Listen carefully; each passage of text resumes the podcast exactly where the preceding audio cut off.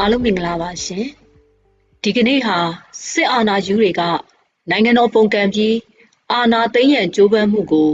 ကျမတို့ပြည်သူတရက်လုံးကຫນွေဦးတော်လှန်ရေးနဲ့ပြန်လည်ဆန့်ကျင်ခဲ့ကြတဲ့တော်လှန်ရေးနှစ်ပတ်လည်နေ့ဖြစ်ပါတယ်တော်လှန်ရေးနှစ်ပတ်လည်နေ့မှာတော်လှန်ရေးကြီးအတွင်းအသက်ပေးလူခဲ့ရတဲ့တိုက်ပွဲဝင်ပြည်သူတရေကောင်းများကို လေးစားစွာဥညွတ်ပါကြောင်းကနဦးပြောလိုပါတယ် အမိမြန်မာပြည်လို့ပြောတဲ့ကျမတို့တိုင်းပြည်ကြီးဟာစစ်အာဏာရှင်အဆက်ဆက်တို့ရဲ့အာဏာသိမ်းရန်ကြိုးပမ်းမှု အာဏာသိမ်းမှုတွေကို အကြိမ်ကြိမ်ခံခဲ့ကြရတယ်။တနည်းပြောရင်နိုင်ငံရေးမထိန်ချင်းမှုကိုကျမတို့ဘိုးဘွားတွေလည်းခံခဲ့ရတယ်။မိဘတွေလည်းခံခဲ့ရတယ်။ကျမတို့မျိုးဆက်လည်းခံခဲ့ရတယ်။ခု21ရာစုမျိုးဆက်တွေလည်းခံရပြန်ပြီ။ဒီလိုအခြေအနေဆိုးတွေကို မျိုးဆက်သစ်အဆက်ဆက်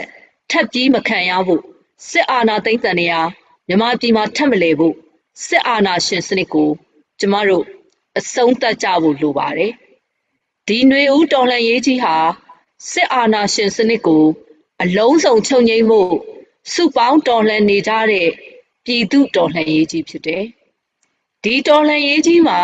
တလှမ်းချင်းတရွေ့ချင်းနဲ့အောင်မွဲစီသို့ရှေးရှုလှမ်းတက်နေကြတာဖြစ်တယ် တောင်ထိပ်ပေါ်ရောက်ဖို့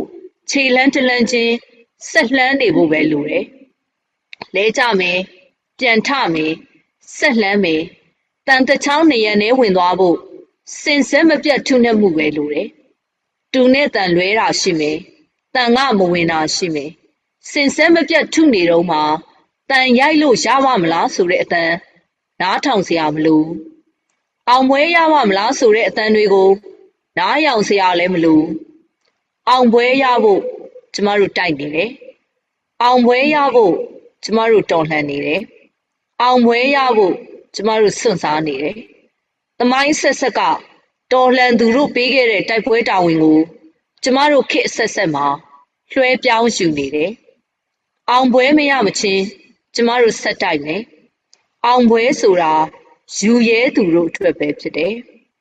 လေးလေးနက်နက်ပြောလိုတာကတော့ စစ်မိတ်ဆာဆိုးတွေကြရှုံးနေပြီအာနာသိမ့်ဖို့စူးစမ်းတာတစ်နှစ်ပြည့်တဲ့အထိအာနာလည်းမရအုပ်ချုပ်လို့လည်းမရနိုင်ငံတကာအသိမှတ်ပြုခွင့်မရပဲကမ္ဘာအလယ်မှာလူသက်စစ်တပ်မဒိန်စစ်တပ်စစ်ရာဇဝတ်မှုကျူးလွန်နေတဲ့စစ်တပ်အဖြစ်သာဗီဇတရုတ်မှန်ပေါ်ထွက်နေတာဖြစ်တယ်စစ်မိတ်ဆာဆိုးတွေကို ကျမတို့ဆက်လက်နှိမ်နင်းမယ်